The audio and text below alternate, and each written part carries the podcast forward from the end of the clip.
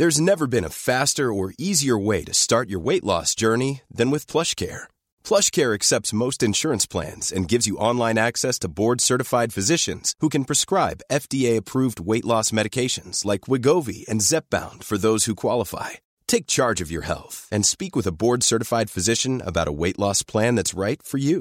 Get started today at plushcare.com slash weight loss. That's plushcare.com slash weight loss. plushcare.com slash weight loss.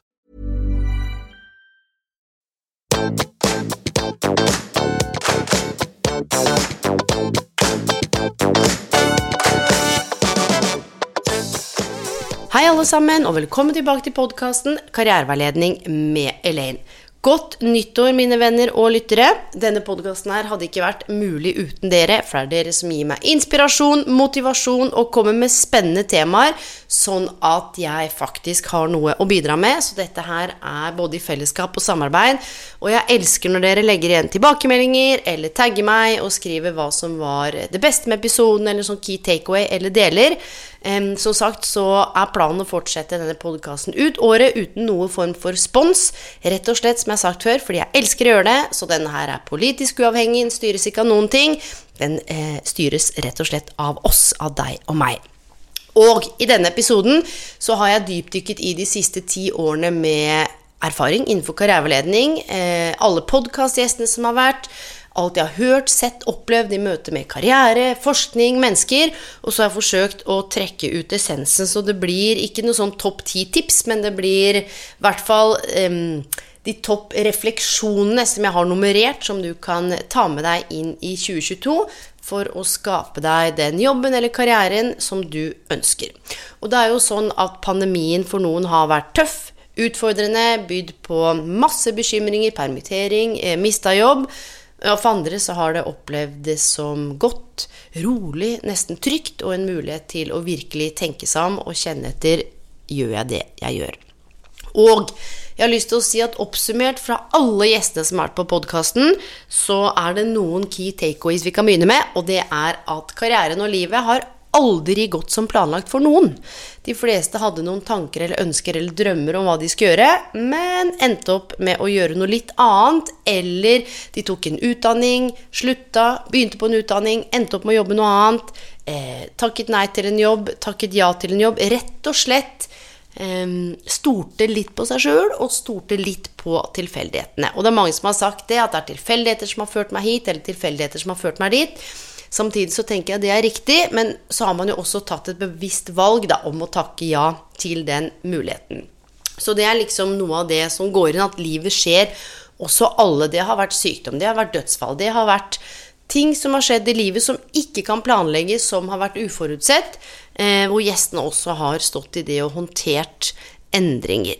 Alle har kjent på usikkerhet, manglende opplevelse av verdi, ikke visste hva de ville. Og så har man etter hvert blitt bedre kjent med seg selv, turt å be om hjelp og snakke med andre, og ikke minst lytta til seg selv. Um, og flere av gjestene har jo hatt mange karrierer. Og det er så noe som jeg snakket om før i podkasten, som er å være multipotentialite. Kanskje vi kan ha to-tre karrierer samtidig. Eller i hvert fall jeg har jo flere roller samtidig. Um, og det også er en mulighet, og det blir mer og mer vanlig. Og det har vært masse spennende gjester og masse stemme, spennende temaer på podkasten. Men noe av det viktigste har vært at eh, karrieren og livet er ikke lineært. Det er ikke A, B, C, D. Du kan ikke bare line opp livet ditt og karrieren din. Og ikke minst at jobben, eh, karrieren og livet henger veldig tett sammen. Så nå skal vi starte med rosinen i pølsa, og dette er det viktigste eh, jeg har tatt med meg som karriereleder de siste ti årene, og med de menneskene jeg har møtt. Det første handler om hvordan du starter dagen. Det å ha gode morgenrutiner. Og det betyr ikke at det trenger å ta lang tid, det betyr ikke at det trenger å være så komplisert. Det kan være det å bestemme seg for å puste i to minutter, eller drikke ett glass vann. Å gjøre det hver dag konsekvent i en måned, da bygger du mikrovaner, og det er også sånn du bygger tillit til deg selv. Og hvorfor sier jeg dette? her? Jo, fordi noe av det jeg har sett gjennom de siste ti årene i veiledning, er at mange har veldig behov for bekreftelse. Har jeg tenkt riktig? Har jeg valgt riktig? Er dette veien å gå? Kan jeg gjøre dette? Og sannheten er at jeg har jo ikke fasiten på om folk har valgt riktig eller ikke. Det er jo noe man kan utforske, og så vet man jo aldri helt hva som skjer i fremtiden. Og det er aldri noe galt i å søke bekreftelse, det er ikke det jeg snakker om, men det handler også om når du har over tid brutt avtale med deg sjøl, gått på akkord, ikke satt grenser, gjort ting som du egentlig ikke har hatt lyst til over for lang tid, people pleasa, ikke sant, alle disse tingene her, så bryter du avtalen med deg sjøl, du setter deg sjøl til side. Så her handler det om å etablere pri 1, gode morgenrutiner, hvor du tar ansvar for å bygge tillit til deg selv. Det kan være noe så banalt som å re senga. Det handler ikke om å re senga bare for at det skal være ryddig og ordentlig. Det handler om at det er en ting du gjør for deg sjøl, så gjør du det konsekvent. Så det kan være å drikke et glass vann i januar. Det kan være å bevege deg 21 minutter i februar. Det kan være å begynne å flikke litt på søknaden din i mars eh, sammen med CV-en din. Det å sette seg små mål, gjøre det om til små vaner, og kanskje koble det opp mot noe av det du gjør allerede. Det er en smart ting. Drikke et glass vann når du har pussa tenner, f.eks. For, eksempel. for det handler om at når du får etablert gode morgenrutiner, så står du også bedre til å takle det som kommer i løpet av dagen, uavhengig av hva slags jobb eller karriere du har. Det trenger ikke være så voldsomt. Gjør det enkelt. Du trenger ikke stå opp klokka fire, jogge rundt blokka sju ganger og ha stått på hodet. Noe så banalt som du hva jeg? Jeg bare puster tre ganger, for det er ganske rett opp, for vi har jo en liten sønn, og der går det jo i 110, så det er ikke sånn at jeg kan sitte i lotus eller bare legge meg rett ned og meditere. Der er det rett i lek og moro. Men av og til også, så jeg drikker i hvert fall et glass vann. Passe på å puste. Um, og hvis vi f.eks. er hjemme i helgene på morgenen, så gjør jeg yoga. Så får han holde på å vimse rundt. Men jeg har skrevet ned to-tre småting som jeg gjør hver eneste dag. Og jeg har tatt to-tre småting, for jeg har holdt på med dette lenge. Så jeg puster, jeg drikker et glass vann, og så strekker jeg og beveger meg. Og jeg bare skaper meg noe som jeg har hatt behov for i lang tid. Og her kommer det mellomrom. Og det betyr at jeg også har skapt mellomrom i hverdagen. Jeg løper ikke fra møte til møte. Jeg sitter ikke med nesa klistra inn i Zoom. Jeg passer på å schedule inn pauser. Og når jeg skal ha lunsj. Så morgenrutiner, det er en hack som mange av de som virkelig har hatt det godt i karrierene sine, har brukt tid på. Enten om du skriver, kanskje du leser, altså setter av tid til litt refleksjon og litt ro. For mange slår opp øynene blup, i dag, for mange, ikke sant, i starten på nyåret. Og alt man skal gjøre, så blir man jo helt overvelda. Så her gjelder det å rett og slett velge seg en ting som er bra for deg. Nummer to Ta en titt på hvordan du bruker tiden din når det gjelder jobb og karriere. Kaster du bort tiden din? Investerer du tiden din? Og er du bevisst hva du bruker tiden din på? Altså, hva er det du prioriterer? Lag deg en liste med A, B, C, D. A haster, dette må du gjøre. B er sånn, ok, det må i hvert fall bli gjort i løpet av sånn og sånn. C, nja, det kan vente. D, det er ikke noe big deal, og E kan du forkaste. Det er én måte å gjøre det på, å tenke hvilke oppgaver er det jeg gjør nå som fører meg nærmere målet, eller det som jeg skal gjøre i dag. Sett deg mål for dagen. Og det å lære seg faktisk å schedule, eh, altså bruke kalenderen, skrive ned ting, og faktisk ta en titt på slutten av uka hva du har brukt tiden din på, det er ganske nyttig, for da skal du se at noen ganger så sitter du kanskje og jobber med noe konsentrert, så kommer det en e-post, og så hiver du deg over den, og så blir konsentrasjonen din brutt. Eller telefonen din ligger og plinger, og så blir konsentrasjonen din brutt. Gi deg selv pauser. Her er det lurt å jobbe med noe som heter pomodoro, f.eks. 25 minutter aktiv jobbing, og så pause. Eller 30 minutter jobbing, og så pause. Og så lag deg noen sånne sykluser. Reis deg opp, beveg deg, altså sørg for å bryte opp dagen din. Og med tiden din så handler det om hva er det du liker å gjøre? Hvilke oppgaver du liker å gjøre? Er det noe du kan prioritere? Og hvordan kan du gjøre de oppgavene du syns er kjedelige eller vanskelig? Kan du be om hjelp? Eller kan du gjøre de oppgavene morsommere med å finne et eller annet fokus? Kanskje fokuset skal være læring? Kanskje fokuset skal være at hvis du gjør den oppgaven, så bidrar du til noe utover deg selv. Så morgenrutiner nummer én. Nummer to Vær bevisst hvordan du bruker tiden din, for det er så sjukt mye dødtid og så mye scrolling og så mye tøysemøter. Og vet du hva jeg har begynt å gjøre? Jeg har begynt å si nei. Jeg blir invitert i masse møter. Jeg sier nei til de møtene hvor jeg kjenner at jeg ikke har noen ting å bidra med, eller nei til de møtene hvor jeg tenker at dette får jeg ikke noe ut av. Og da er jeg tydelig, og så setter jeg grenser. Og det er lov til å si, vet du hva, beklager det møtet her har jeg ikke anledning til å, å delta i. Kan noen sende meg en oppsummering? Eller ja, her kan jeg delta i den første delen av møtet. Begynn å sette grenser, det handler også om å bygge tillit til seg selv og det å ta tilbake tiden sin. Og så er det sånn at for noen på hjemmekontor så kan det være sykt mye dødtid og lite gjøre, så man sitter bare og scroller eller suser. Bruk den tiden effektivt. Husk at du kan kaste bort tiden din, eller du kan investere tiden din. Så dette her er noe av det som jeg tar med meg i forhold til hva man bruker tiden sin på i jobben sin, som også er med på å påvirke hvor meningsfullt det føles. Nummer tre da hopper vi inn i jobbsøkerprosessen. Altså, alt dette her henger sammen, men jeg har ikke satt i noen rekkefølge, så her får du bare plukke og mikse litt. Um, jobbsøkerprosessen for mange oppleves som overveldende, stressende, uoversiktlig, kaotisk. Og man lager seg veldig mye sannheter og narrativer om arbeidsmarkedet. Er ikke er sånn, jeg er for høy, jeg er for tynn, jeg er for tjukk, jeg er for gammel, jeg er for ung, jeg er for sånn, jeg er for det, ingen vil ha meg. Og så lager man masse historier og narrativer om seg selv, gjerne hvis man også kanskje har hull i CV-en, og da kan du spørre deg selv hva er det verste spørsmålet jeg kan få på et jobbintervju? Hva er det verste som kan skje når jeg denne CV-en og søknaden? Hva er det verste som kan skje når jeg går på Finn? Det å lage litt skrekkscenarioer, og så på en måte reflektere over Ok, hvis det er det verste som kan skje, hvordan kan jeg ta ansvar rett og slett for å møte det scenarioet og skape løsninger, eller rett og slett reflektere over det, så ikke det kjennes så ubehagelig. Det som er med en jobbsøkerprosess, hvis du vurderer å bytte jobb eller stå utenfor arbeidslivet, eller kanskje til og med skal inn i en ny jobb der du er, eller ja, slags Uavhengig av hva slags situasjon du står i, så er det noe med å få fram hva du har gjort i CV-en din, som er altså curriculum. Tar det som har vært. Nøkkelkvalifikasjonen din, som er en oppsummering av utdanningen din, arbeidserfaringen din, kanskje motivasjonen din, verdiene dine. Få med i omvendt kronologisk rekkefølge hva er det siste du har jobba med, eller jobba som, eller det siste du har utdanna deg eh, som og så skriver du noen linjer om hva det var. Sant? Ikke bare la det stå en overskrift, men skriv 'Mitt hovedansvar var bla, bla, bla', eller 'Jeg hadde ansvar for disse resultatene', 'Styrte dette', 'Hadde låsansvar'. Få med noen linjer om hva du har gjort, for det er ikke alle som skjønner det. Det er ikke alle som kjenner til arbeidsplassen din. Og så kan du få med språk, IT-ferdigheter, kanskje kurs, har du tatt noe videreutdanning, Verv, veldig viktig hvis du har jobbet frivillig, eller annen relevant erfaring. Så vurderer du om du vil sette på referansene dine. Når det gjelder søknad, så handler det om at dette er fremtiden.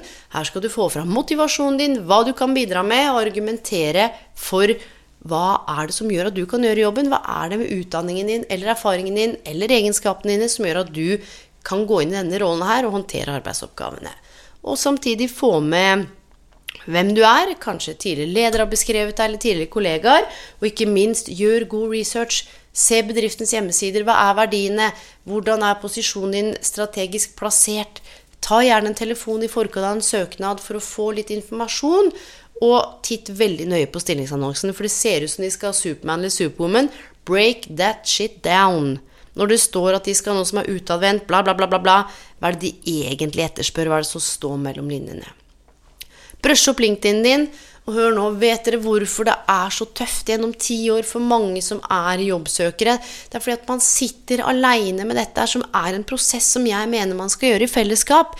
Det er ikke meningen at man skal kartlegge sin egen kompetanse, forstå omfanget av seg sjøl, eh, verdiene sine, menneskesynet sitt, hva man har bidratt Her gjelder det å snakke med noen du stoler på. Få den oversikten, få kartlagt kompetansen din. Be om hjelp. Det kan være noen du stoler på, en venninne. Det er gratis karriereveiledning på karriereveiledning.no, eller alle de fylkesvise karrieresentrene. Og studerer du, så er det karriereveiledning på universitet og høyskoler.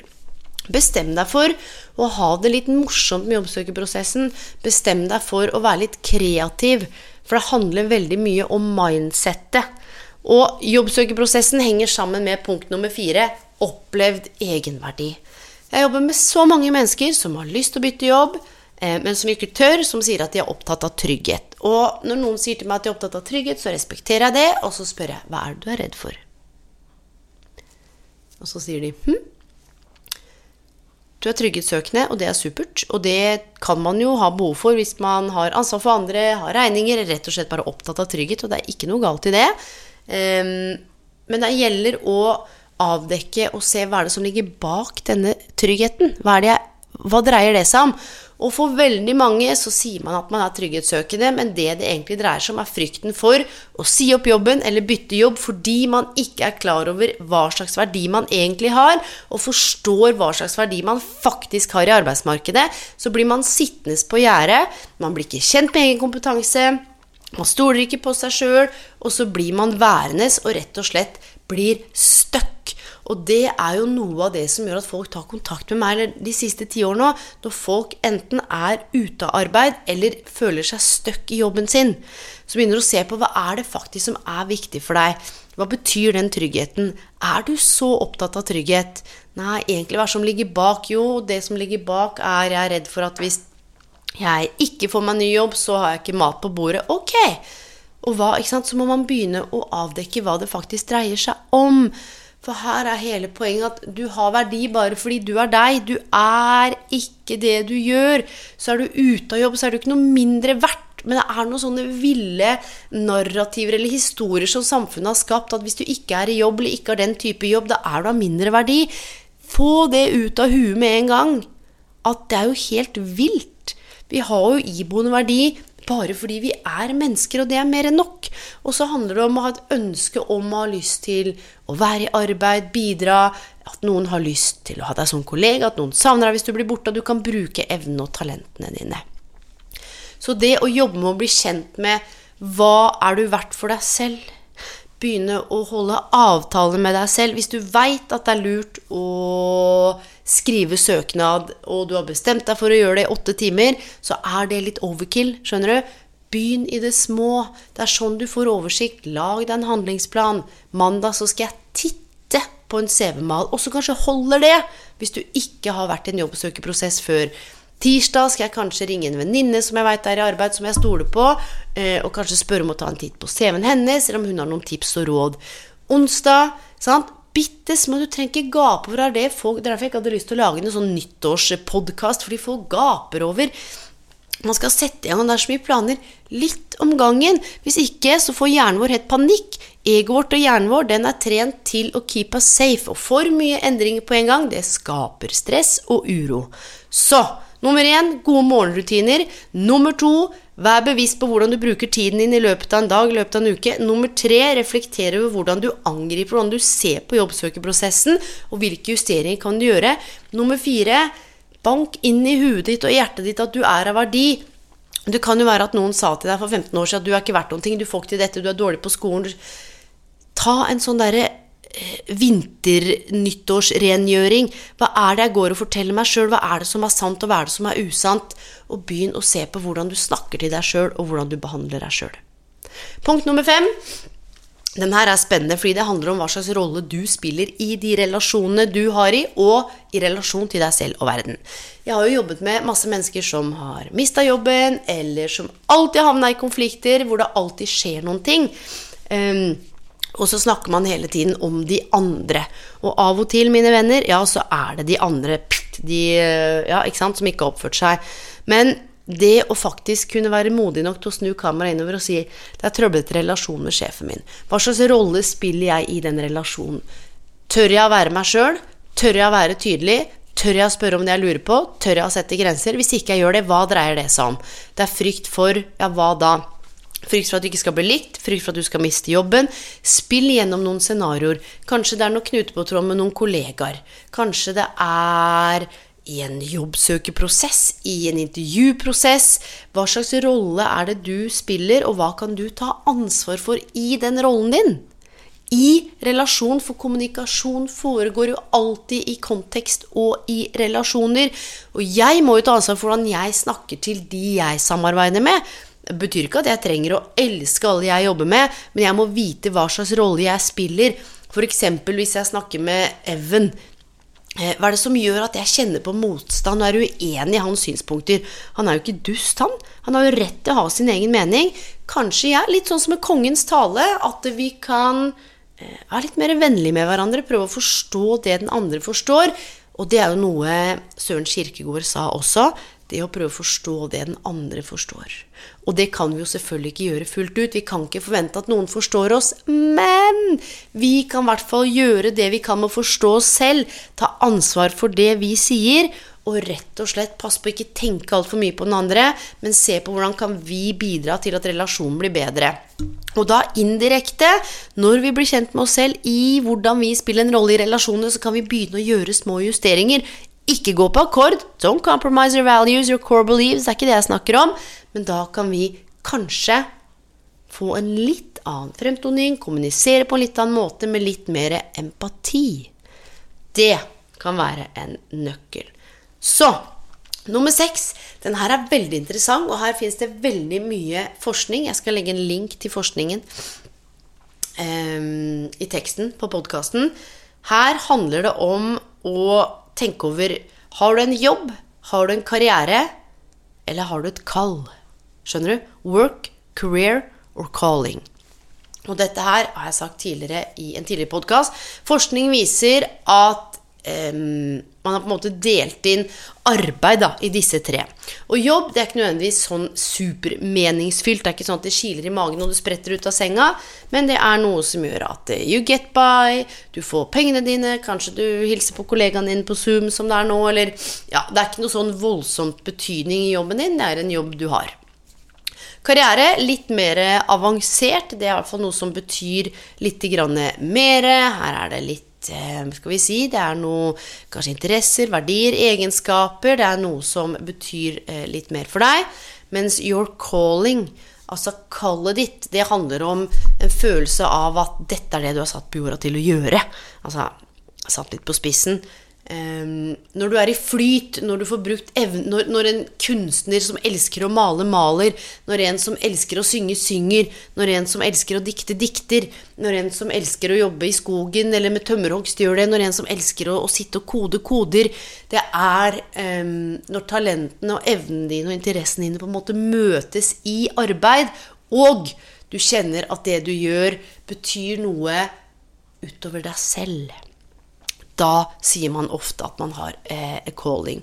Så tenker jeg sånn, her kan man jo også ha alle tre. Man kanskje kan ha hatt en jobb i begynnelsen av karrieren, plutselig hatt et kall, og så har man endt opp med å ha en karriere, eller man svinger litt mellom de.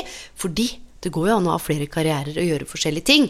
Men jeg vil at du skal tenke over dette her, fordi det kan påvirke også hvordan du ser på jobb, arbeid, karriere, kall, yrkeslivet ditt.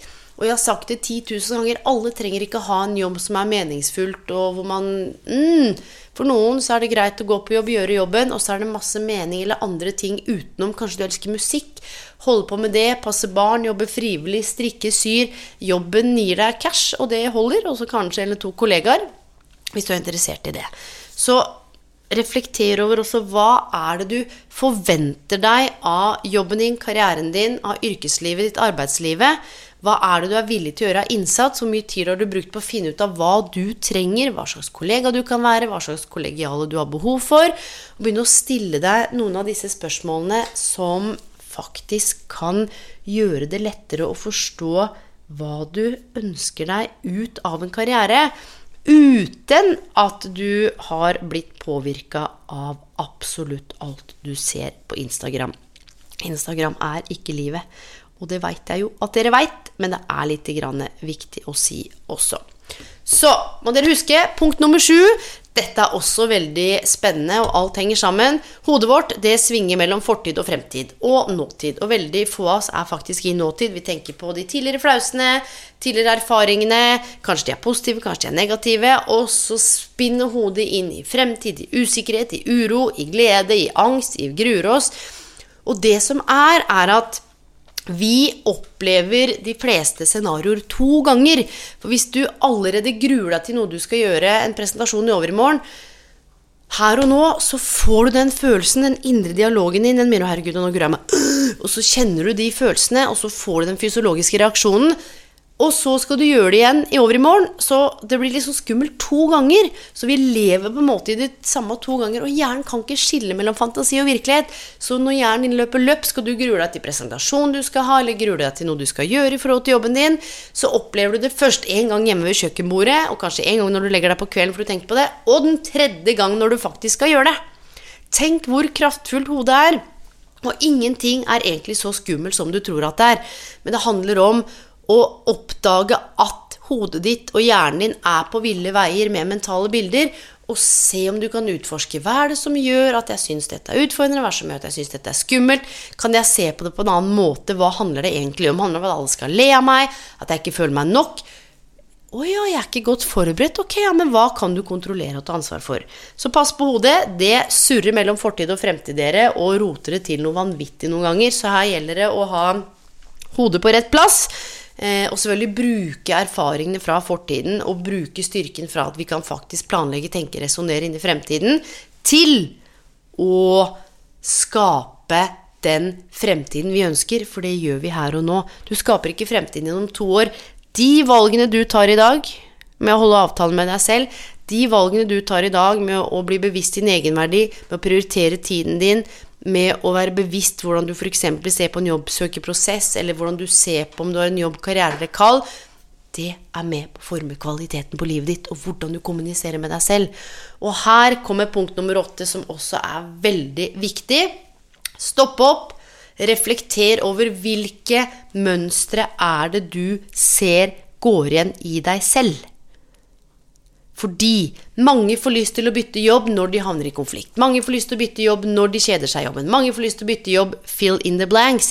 Og det som ofte viser seg, er at det er noen mønstre som gjentar seg gjennom x antall år.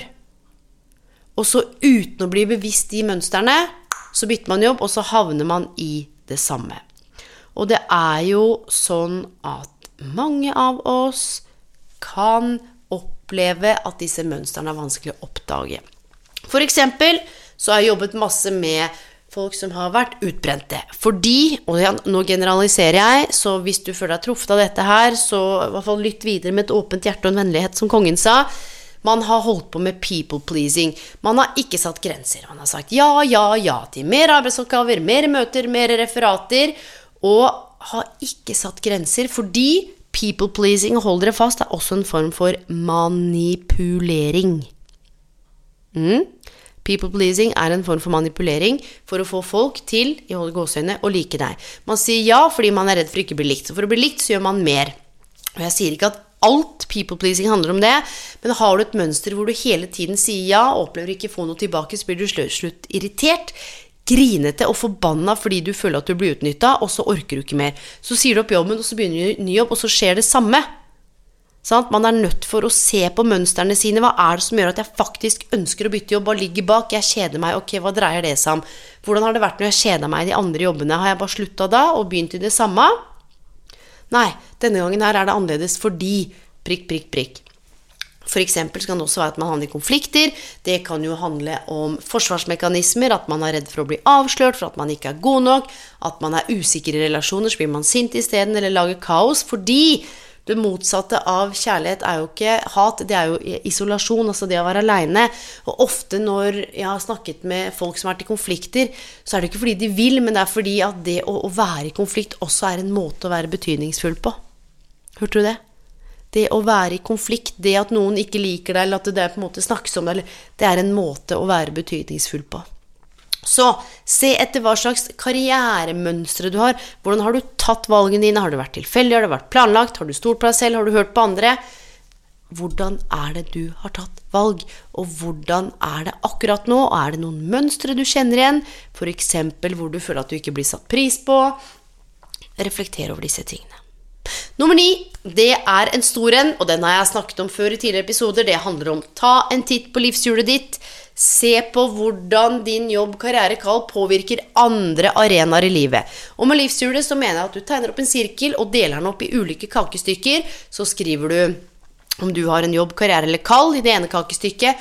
Økonomi, nære relasjoner, familie, hobby, fysisk helse, psykisk helse, personlig utvikling eller spiritualitet. Og så rater du det fra null til ti, da helt innerst i midten null, og så drar du streken ut til ti. Hvis det er ti, så betyr det at det er gang ho tipp topp. Og er det null, så betyr det at det området ikke er spesielt bra. Så et typisk livshjul kan se ut som fem på karriere, eh, fire på nære relasjoner, åtte på økonomi, eh, sju på fysisk helse, tre på eh, psykisk helse, kanskje fire på spiritualitet og én på personlig utvikling, da, f.eks. Um, og da må man se på det området hvor det er lavest score, og si hva er det som gjør at det er én på personlig utvikling. Jo, for jeg har ikke noe tid til meg sjøl, jeg bare stresser, føler meg urolig. Ah, for det er jo sånn at alle disse områdene henger sammen. Så det vil si at hva skal til for at du skal begynne å jobbe med personlig utvikling? Hva er det du trenger? Ja, kanskje det er et um, Hva kunne det vært, da?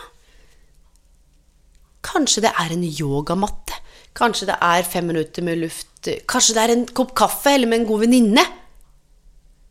Kanskje personlig utvikling for deg er å lese boka som har stått i bokhylla fem minutter hver dag. Så må man se på hva er det du kan begynne å gjøre, og se på hvis du begynner å lese fem minutter hver dag, og så begynner du å gå en ti minutter tur hver dag, hvordan vil det påvirke mentale helsen din? Hvordan vil det påvirke stressnivået ditt, energinivået ditt? Kan du få mer kapasitet til å gjøre de tingene du liker mer av på jobb? Ikke sant? Alt henger sammen med alt. Så ta en titt på livshjulet og koble på verdiene dine. Hva er det som er viktig for deg akkurat nå? Ikke hva som var viktig, ikke hva som kommer til å være viktig. Hva er det du anser som viktig akkurat nå?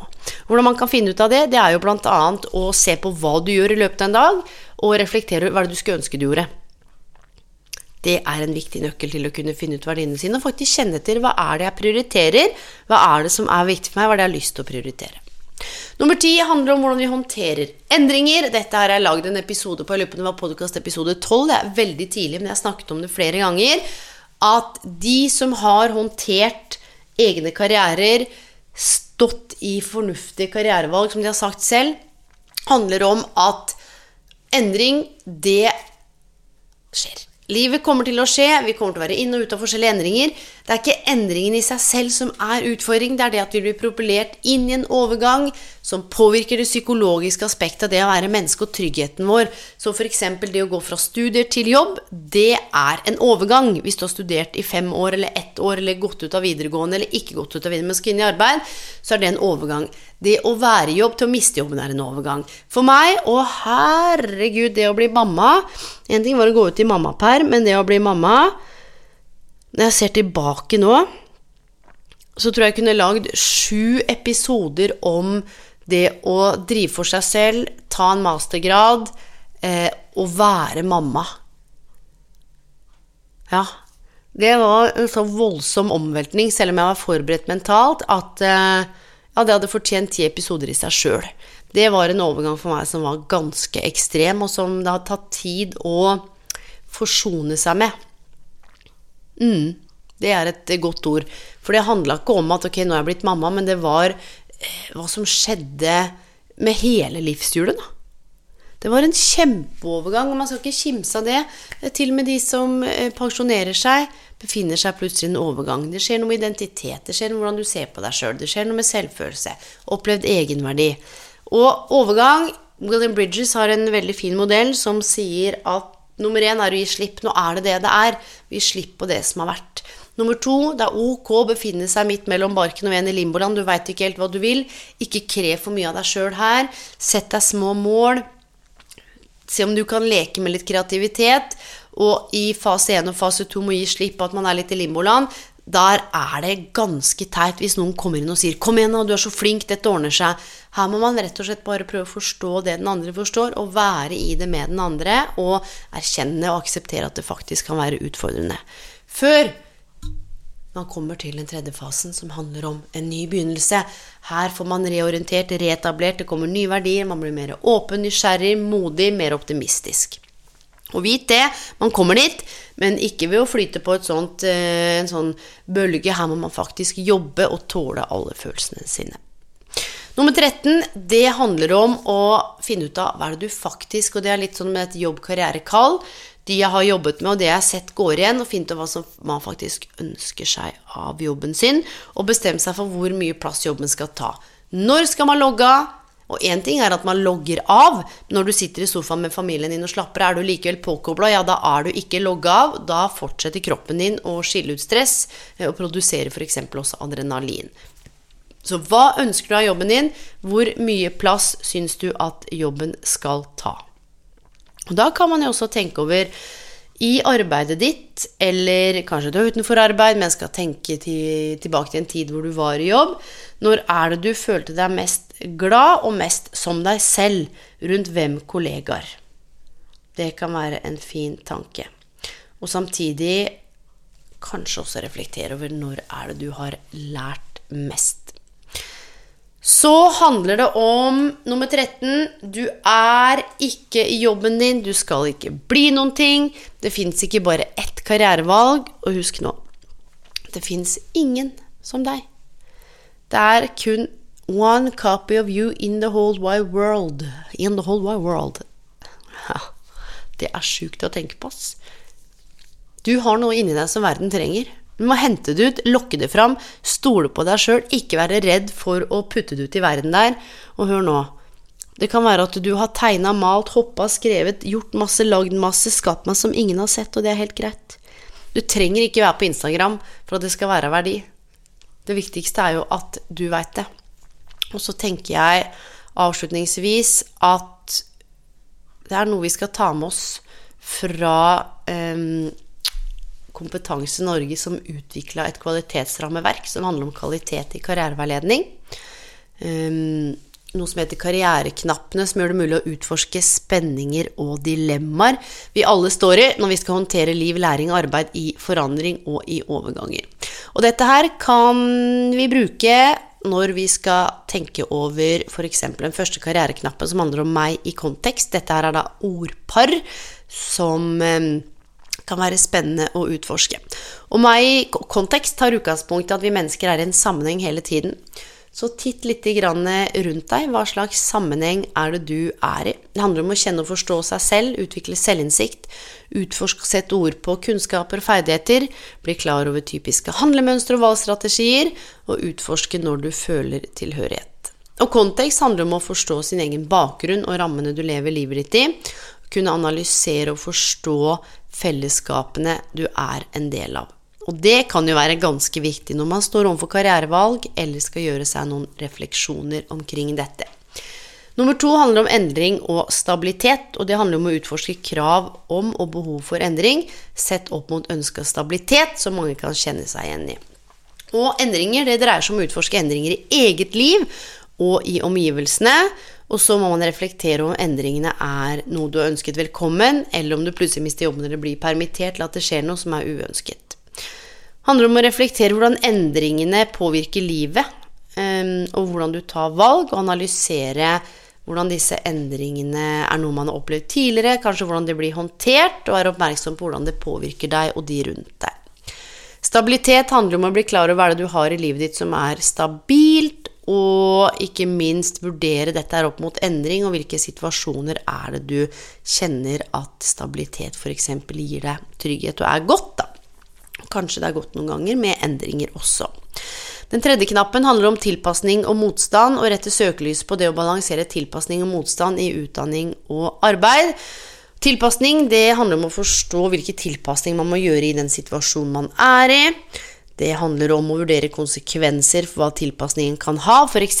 må du tilpasse deg for mye en rolle på jobb som gjør at du går på akkord med deg sjøl og blir sliten.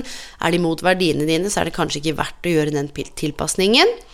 Ehm, så da må du se på om det er akseptabelt, eller om det er problematisk. Ehm, hva er kanskje konsekvensen av ikke tilpasse deg? Betyr det at du må finne en annen jobb? Handler også om å utforske motstand og se på hva er det i deg som påkaller motstand, og hva er det som gjør at du kjenner på motstand i denne relasjonen, i denne oppgaven, i jobben din, i det å stå utenfor arbeid, i det å skulle bytte jobb. Undersøke konsekvensene av hva det kan være, og se om det går an å kanskje finne en balanse der mellom disse to ordparene så er det også nummer fire, som er ordparet valg og tilfeldigheter, som handler om å kunne analysere hvordan livet utvikler seg i møtet mellom valg, og hva du kan påvirke, og hva som er tilfeldig. Så valg handler jo også om å utforske valg og ulike valgalternativer, og bli kjent med ulike valgstrategier og behov i valgsituasjonen, og kunne vurdere ulike konsekvenser. Her kan du bruke tidligere erfaringer for å ta fremtidig valg, men være bevisst hva slags erfaring du trekker inn. Um, og kjenner at det er helt greit å være usikker. At 99,99% av oss veit ikke alltid hva vi driver med. Det er helt lov, og det er greit å være usikker, men også vite at Er dette her en avgrenset hendelse for noen uker eller måneder, eller er dette en lang f.eks. endringsprosess du skal inn i? Og når det gjelder tilfeldigheter, at livet skjer, så kan man undersøke hvordan tilfeldigheter har påvirket deg tidligere. Kanskje se og forstå, eller bli bevisst hvordan du ser på hendelser som ikke var planlagt, og hvordan det kan være av betydning. Og bli oppmerksom på hvordan du agerer når det dukker opp tilfeldigheter, og utforske hvordan du kan legge til rette for at gode tilfeldigheter skjer. Og den aller siste karriereknappen den handler om muligheter og begrensninger som mange av oss kan kjenne oss igjen i som handler om å undersøke den enkeltes muligheter og begrensninger, og se hvordan disse kan innvirke på valg og handlinger. Og når det gjelder muligheter, så er det jo sånn, og dette har jeg sett gjennom de siste ti årene, at det er så stort gap mellom hvilke muligheter jeg f.eks. kan anta at vedkommende har som sitter overfor meg, og hvilke muligheter vedkommende ser selv, nettopp fordi det er mangel av og til på opplevd egenverdi eller på forståelse av hvor bra man faktisk er. Så muligheter dreier seg om å kunne finne og utforske ulike muligheter og ikke minst utvikle den karriereferdigheten som dreier seg om å kunne innhente informasjon, analysere, gjøre research, ha litt kritisk tenkning.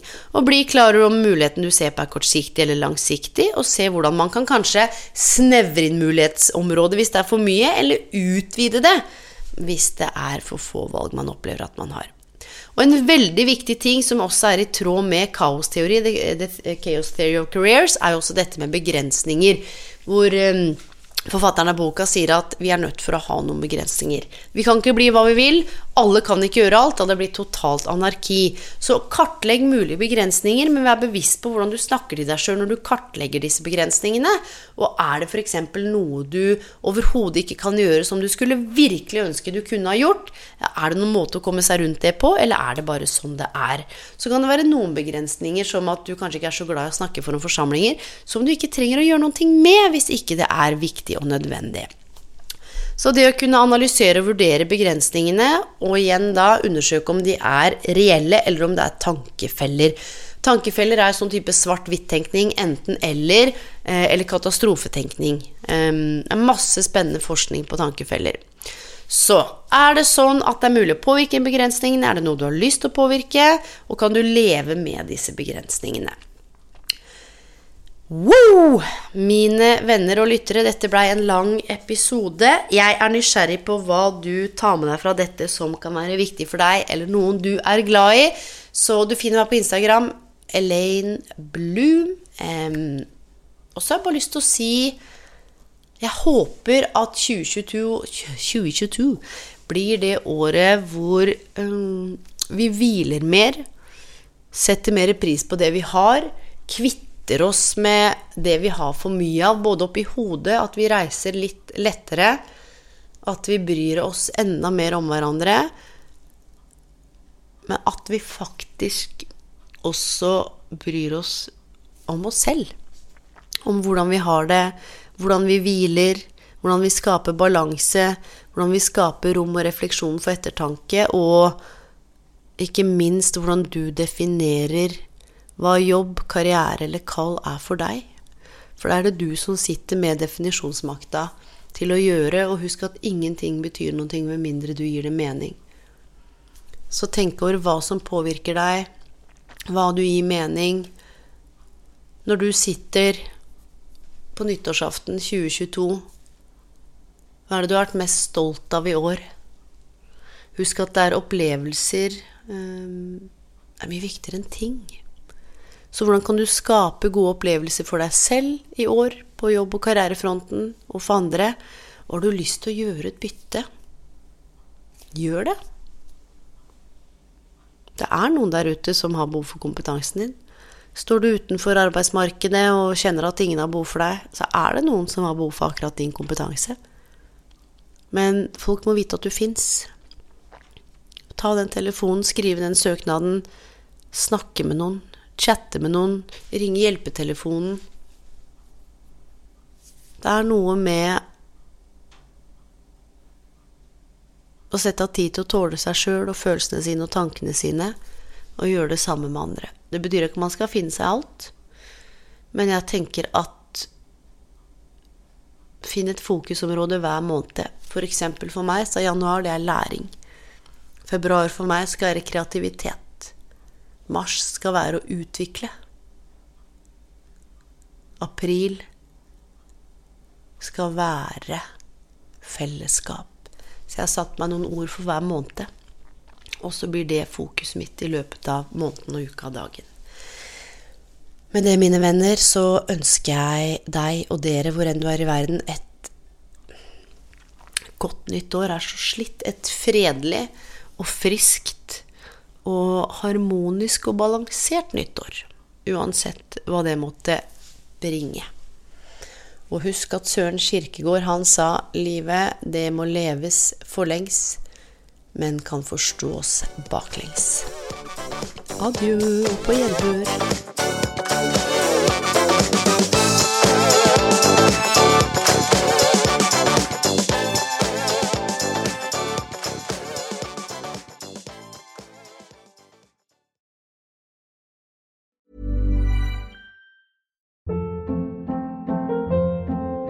Hold up. What was that? Boring. No flavor. That was as bad as those leftovers you ate all week. Kiki Palmer here, and it's time to say hello to something fresh and guilt-free. Hello Fresh. Jazz up dinner with pecan-crusted chicken or garlic butter shrimp scampi. Now that's music to my mouth. Hello Fresh. Let's get this dinner party started. Discover all the delicious possibilities at hellofresh.com.